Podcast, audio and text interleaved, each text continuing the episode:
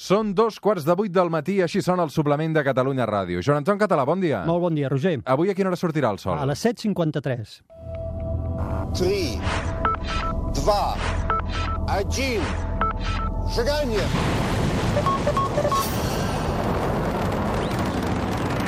One small step for man, one giant leap for mankind. Avui a les 7.53, d'aquí 23 minuts, surt el sol. Joan Anton Català, com estàs? Molt bé, estàs content, eh? Estic ja hem baixat, content, ja hem estem guanyant. les 8. Comença a sortir la claror, comença a despertar-se a Catalunya.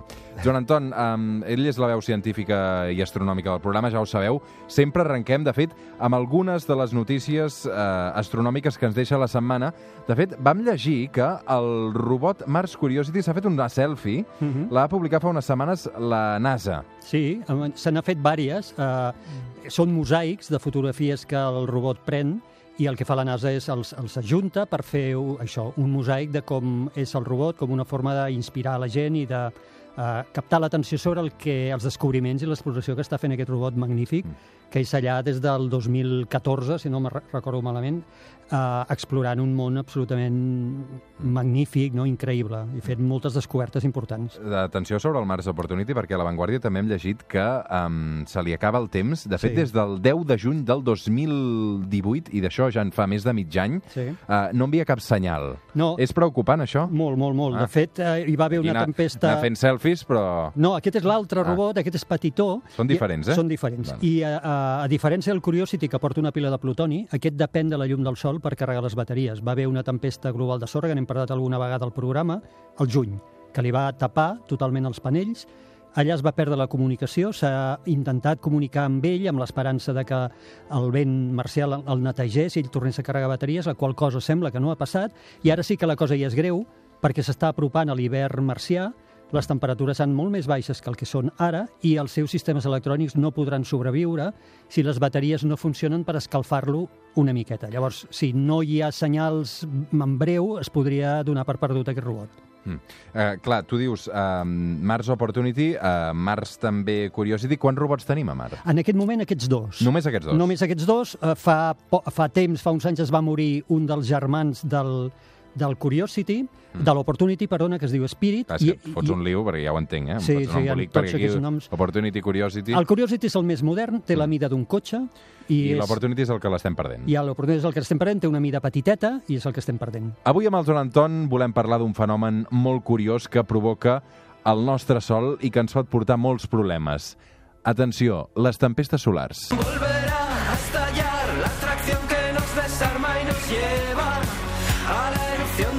tormenta solar. Tempestes solars, Joan Anton. Definim el concepte perquè així d'entrada jo no sé ben bé a què et refereixes. Molt bé, doncs una tempesta solar és uh, un esdeveniment en el que a la Terra li arriba gran quantitat de radiació del Sol per una banda i de vent solar, que ara explicarem el que és, per una altra. Llavors, quan això es concentra i arriba en gran quantitat, en gran densitat, tenim el que coneixem com tempesta solar. Molt bé, això en principi no seria una notícia molt positiva, no? No, no, gens, ja el Ah. nom ja indica, tempesta, doncs ja es veu que la cosa va malament, i, i ara veurem que com més va, com més tecnificats estem, doncs pitjor. Uh, quin tipus de partícules i radiació rep la Terra quan Mira. es produeixen situacions com aquesta? Hi ha dos tipus de, de partícules o de, de components que arriben. Una és radiació, és dir, llum.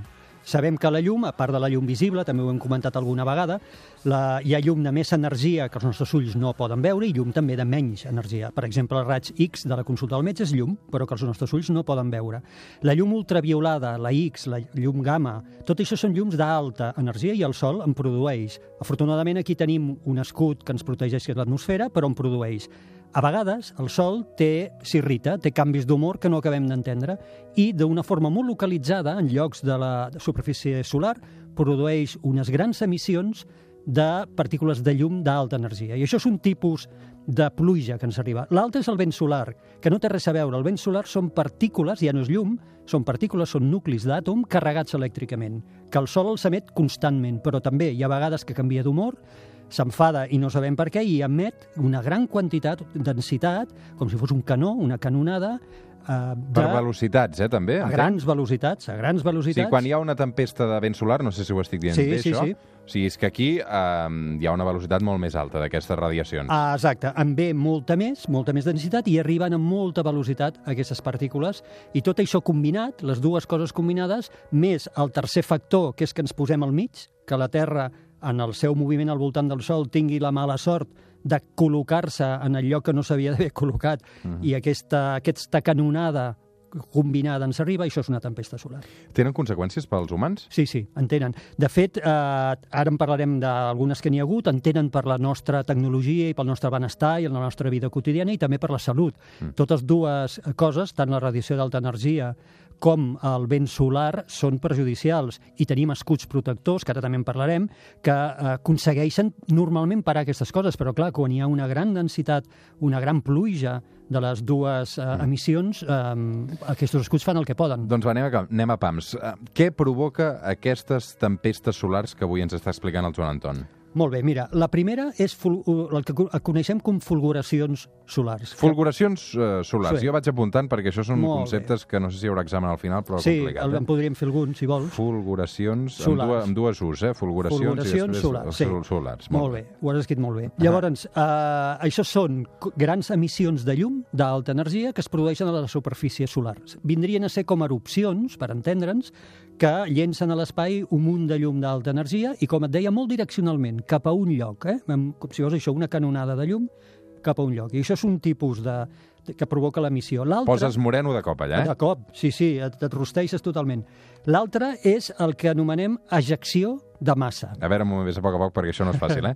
Ejecció de massa. sí, eh, de massa coronal. Si hi ha De vols, massa coronal. Si hi ha vols d'allò, sí, ejecció de massa coronal. fàcil, eh, allò, perquè entri bé sí. i tal. I això és massa. Això ja no és, com veiem, ja no són fotons, ja no és llum, no és radiació, sinó que és aquest vent solar que el Sol emet constantment, però que de sobte també en un lloc del Sol es produeix una gran erupció, en aquest cas de matèria, de nuclis atòmics, que surten disparats. Normalment les dues coses van associades. Una fulguració solar gran acaba tenint com a conseqüència també una ejecció de massa coronal, no sempre. Llavors són els dos tipus d'emissió que arriben molt direccionalment. La llum, que ens arriba immediatament, en 8 minuts i mig la tenim aquí, en canvi les partícules aquestes carregades, tot i que viatgen a molta velocitat, no són la llum i aquestes poden trigar hores en arribar. Avui amb el Joan Anton Català estem parlant de les tempestes solars.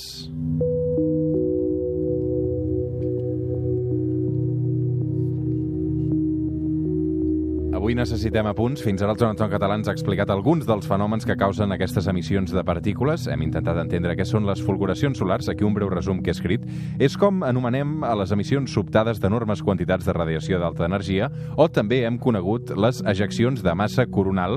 Són com una mena d'explosions en què el Sol ejecta gran quantitat de vent solar. Adeu, me'n vaig, perquè ja tu ja ho sé, ho pots fer sol. Eh, Són pres uns apunts aquí amb negretes i tot. Va, factors clau que produeixen aquests, Mhm. aquestes tempestes solars. Mira, n'hi ha... no acabem d'entendre com es produeixen. Tot i això, tenim algunes pistes. Per exemple, sabem, des de fa molts, molts anys, que el Sol canvia d'humor cada 11 anys. Té un cicle que cada 11 anys passa d'uns moments que en diem d'activitat alta a uns moments d'activitat baixa, i això en un cicle quasi, quasi, no perfecte, però molt, molt aproximat a 11 anys. Com ho mesurem, això? Això ho mesurem per les taques solars. Les famoses taques solars són una indicació de que el Sol té molta activitat. Uh, les contem i així fem estadístiques i veiem que cada 11 anys el Les Sol taques solars a on? a, a la superfície del Sol, sobretot aviso la gent, sempre ho faig, mai mirar el Sol sense instruments homologats, però els que, a les fotografies que hi ha per internet, o si alguna vegada mirem amb filtres solars, veurem que la superfície del Sol té unes taquetes Quan hi ha moltes taques és que allò és està que, actiu. Sí, que el Sol té gran activitat. Llavors hi ha anys en què el Sol té més activitat que altres anys. I ara en quina fase estem? Ara estem a baixa activitat. I ara bon rotllo. Sí, ara bon rotllo. Però quan és alta activitat, aquest aquest cicle el que afavoreix és les tempestes, aquestes, aquests comportaments que dèiem anòmals. És més fàcil que es produeixin quan el Sol està en un cicle actiu que quan està en un moment baix. Quants anys portem de bon rotllo? Eh, no ho sé, ho hauria de mirar, però segurament devem portar uns 4 o 5 anys. En principi de bon que rotllo. tenim, sí, allò, encara tenim un cicle electoral de calma. Sí, però podria Un passar... cicle electoral no de Catalunya, eh? perquè aquí no, duren sí, menys. No, jo crec que aquí no hem de fer la comparativa. Però, eh, de totes formes, pot passar en qualsevol moment. Tampoc això vol dir que no puguin passar en moments de, de baixa activitat solar. I l'altra qüestió que ho produïa és això que et deia de que hem d'entendre que, com que són molt direccionals, eh, la probabilitat que ens toqui és baixa, perquè l'espai és immens. Llavors, l'altre factor és aquesta coincidència entre la direcció a la qual s'emet totes aquestes partícules i que nosaltres anem movent-nos per l'espai com a Terra i ens col·loquem en el lloc que no devíem. Eh? I aquest és l'altre factor que s'ajunta en aquest cicle d'activitat del Sol. Mm. Um, estem protegits de- d'alguna manera d'aquestes tempestes solars i Sí. d'aquestes uh, aquestes simpàtiques radiacions que ens envia el Sol? Afortunadament sí, perquè si no, per exemple, Roger, avui no estaríem xerrant tu i jo, mm. igual hi hauria algun altre tipus d'éssers, no ho sé. Uh, la qüestió és que tenim dos grans escuts protectors. Un, un és l'atmosfera de la Terra, que el que fa és filtrar uh, la llum d'alta energia.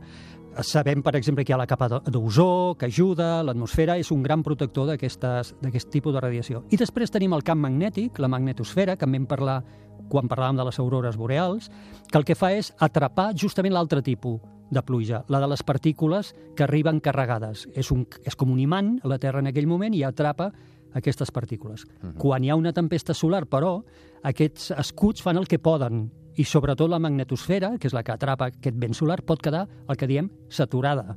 És com un imant, li arriben moltes partícules carregades, les atrapa, les atrapa, les atrapa, però hi ha un moment que, pobreta... eh, Això ho vas explicar el dia que parlàvem d'aurores Ah, boreals. exactament, exactament. Llavors, eh, hi ha un moment que no pot més, la, i, tot, i hi ha partícules d'aquestes que aconsegueixen creuar aquest escut protector i arribar a la superfície de la Terra.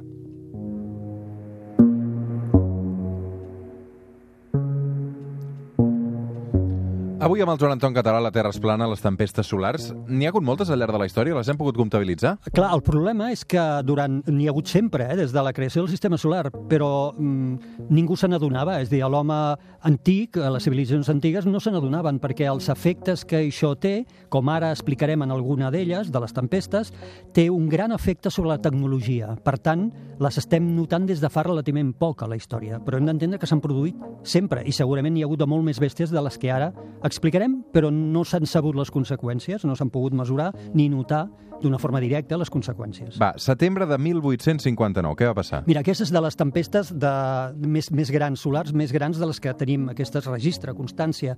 Va ser tan, tan gran que va malmetre durant dies a la, a la comunicació per telègraf, els telègrafs entre Europa i els Estats Units, durant dies. Fins i tot en algunes centrals de telègraf es van produir eh, incendis locals.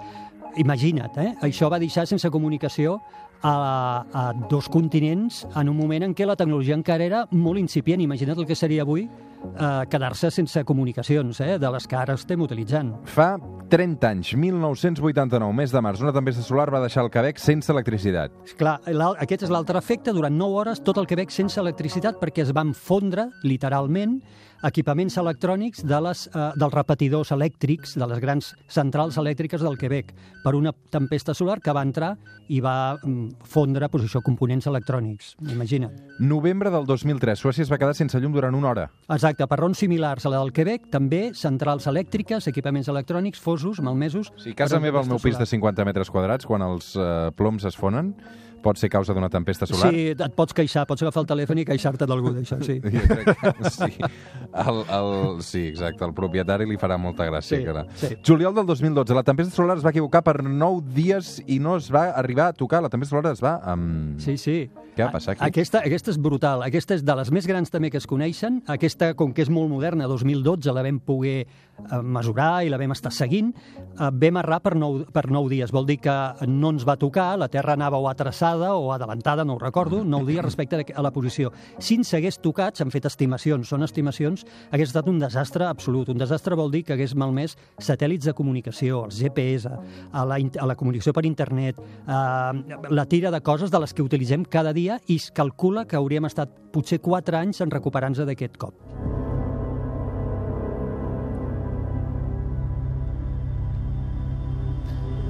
Sonaria una mica així, una tempesta solar? Eh, no, no crec que sonés així. No sonaria. No, jo crec que no sonaria de cap forma. Jo penso que simplement no sonaria, perquè ens, Ens quedaríem... fondria, no? Ens fondria tot. Mm. Els micròfons segurament no funcionarien. Um, L'avanç de la tecnologia... Uh, Sí, així potser sí. Això seria que ens ha ara, d'aquests potser potents. Com més tecnologia tenim i més avancem, um, podem controlar-les d'alguna manera més o no? Uh, no, jo, jo penso que estem més exposats. Sí que és veritat que tenim més mitjans, com ara també puc explicar, per detectar-les i per prevenir alguna cosa, eh, o per preparar-nos, però sí que és veritat que com a més tecnificada està la nostra societat, més vulnerables som Mm. als efectes de les tempestes. Com et deia, a l'edat mitjana hi havia tempestes solars segur perquè han existit durant tota la vida del Sol i no tenien cap mena d'efecte. La primera que hem dit és del telègraf, i ara ja estem parlant del GPS. Imaginem el que seria la, malmetre la xarxa de GPS. És a dir, no navegaria ni els avions, pararíem el món absolutament. Mm. O el que són les centrals elèctriques, o el que és internet, etc etc etc. Per tant, com més tecnificats, més exposats estem. Tot i això, tenim mecanismes per, eh, que ens ajuden a monitoritzar el sol, en- intentar-lo entendre, que abans no l'enteníem poc, ara l'entenem una mica més i, i tenim com a la sonda solar Parker, que és aquesta sonda que alguna vegada n'hem parlat, que està orbitant el Sol, intentant eh, això entendre aquests canvis d'humor del Sol, per què es produeixen i com es produeixen. Mm. Com ens podem protegir? Una és aquesta, a través de la investigació. És dir, hem de seguir invertint en entendre la nostra estrella. Curiosament, investiguem altres estrelles i la nostra, que és la que tenim aquí a propet, doncs no l'acabem d'entendre. I això és el que, com deia, per exemple, està fent la sonda Parker. L'altre és conscienciar-nos de que això és un perill real i que és inevitable des del punt de vista estadístic. Eh? En algun moment tocarà, pot ser que toqui una tempesta petitona. Petitona vol dir que potser doncs, un país com Suècia es queda sense llum durant unes hores, això és petitó, però en podria venir una de molt gran. Per tant, a fabricar components més resistents i components redundants. És, a la tecnologia això és més car, evidentment, però tecnologia de satèl·lits, D'alguna manera també detectar-les de manera més precoç, no? Exacte, i aquesta és l'altra. Tenim uns satèl·lits de fa anys que estan eh, observant, només observant el Sol, i per tant detectar-les precoçment per, per exemple, prevenir que els astronautes que tenim a l'Estació Internacional Espacial quedin afectats, perquè aquests sí que estan fora d'aquests escuts protectors que dèiem abans, i llavors estan absolutament exposats als efectes eh, sobre el cos de- d'aquestes tempestes. Hi ha hagut, hi ha algun cas en què s'ha instruït, s'ha demanat als astronautes de l'estació espacial que eh, anessin dins i recluïssin en uns compartiments Perquè que té... estaven massa exposats. Sí, perquè venia una tempesta solar i, evidentment, ells els van confinar dins de les parts més interiors, per entendre'ns, de l'estructura, per quedar protegits per l'estructura. I tot i això van tenir problemes a la vista, van tenir alguns problemes d'al·lucinacions, Però entenc etc. que el cos, amb tot aquest... Ara tinc, tots tenim al cap eh, la vestimenta d'astronauta, No, manera. però allà no.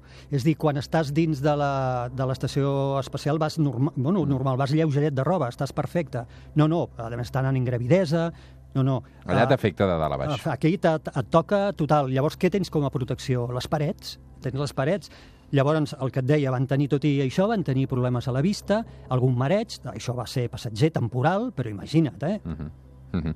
Um, tot i això, ara entre tu i jo, Joan Anton Català, um, quina probabilitat tenim de, de que ens enganxi una tempesta solar? Roger Escapa, jo penso que, jo penso que patir tant, baixa. no? No, Ah. no, però eh, estic d'acord, no, no és una paranoia, però sí que to acabarà tocant i seríem bastant, eh, no sé, irresponsables si penséssim això, ah, bueno, no, com que això és de tant en tant, home, ara ens estem jugant molta cosa, però torno a dir, com la societat més tecnificada estigui, i vés a saber el que tindrem el, demà, avui tenim el que tenim de tecnologia, que jo quan vaig néixer ni, ho- ni ho imaginava, què tindrem d'aquí a 20, 40 o 100 anys?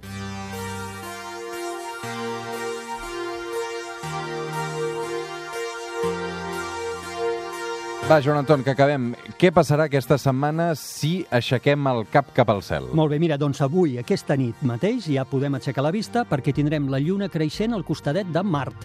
Mart ens està deixant, o l'estem deixant nosaltres amb ell, després de passar un any en què l'hem tingut molt brillant i molt proper, ja ens estem allunyant molt d'ell i no el tornarem a tenir en dos anys, i, però encara el veiem al cel, el veiem com una llumeta, com una estrella, entre cometes, vermellosa, i la lluna avui ens dirà quina estrella és perquè s'hi posarà bastant al costat. Mm. I a l'alba, que ja n'hem parlat, seguim tenint el trio que tant t'agrada de planetes alineats, que veus quan et lleves des de Sabadell, sense cap mena de dificultat, que són Júpiter, Venus no mai. i Saturn. No, a mi m'agraden les superllunes. Les superllunes les veig bé. Molt Aquestes bé, sí doncs que... aquesta serà, ara també N'arriba eh? aviat, no? Oh, sí, sí, aquest any en tenim tres, n'hem tingut una, que és la de l'eclipsi, Sí. Aquella sí que la veig, veus? Dius, mira, la, superlluna, propera, fàcil. Molt bé, aquest, doncs, ara en torna, la propera lluna plena torna a ser Mhm. superlluna i la de març torna també a ser superlluna. Doncs la setmana que ve m'expliques què fa una lluna superlluna. Molt bé, perfecte. Correcte. A, avui no et perdis el programa, eh, Joan Anton? Hi ha sorpreses. Avui això és gros, eh? No m'ho penso avui això perdre. és molt gran, eh? No m'ho penso I perdre. no marxis gaire lluny, que potser ja ho veurem. Ara ja m'espantes.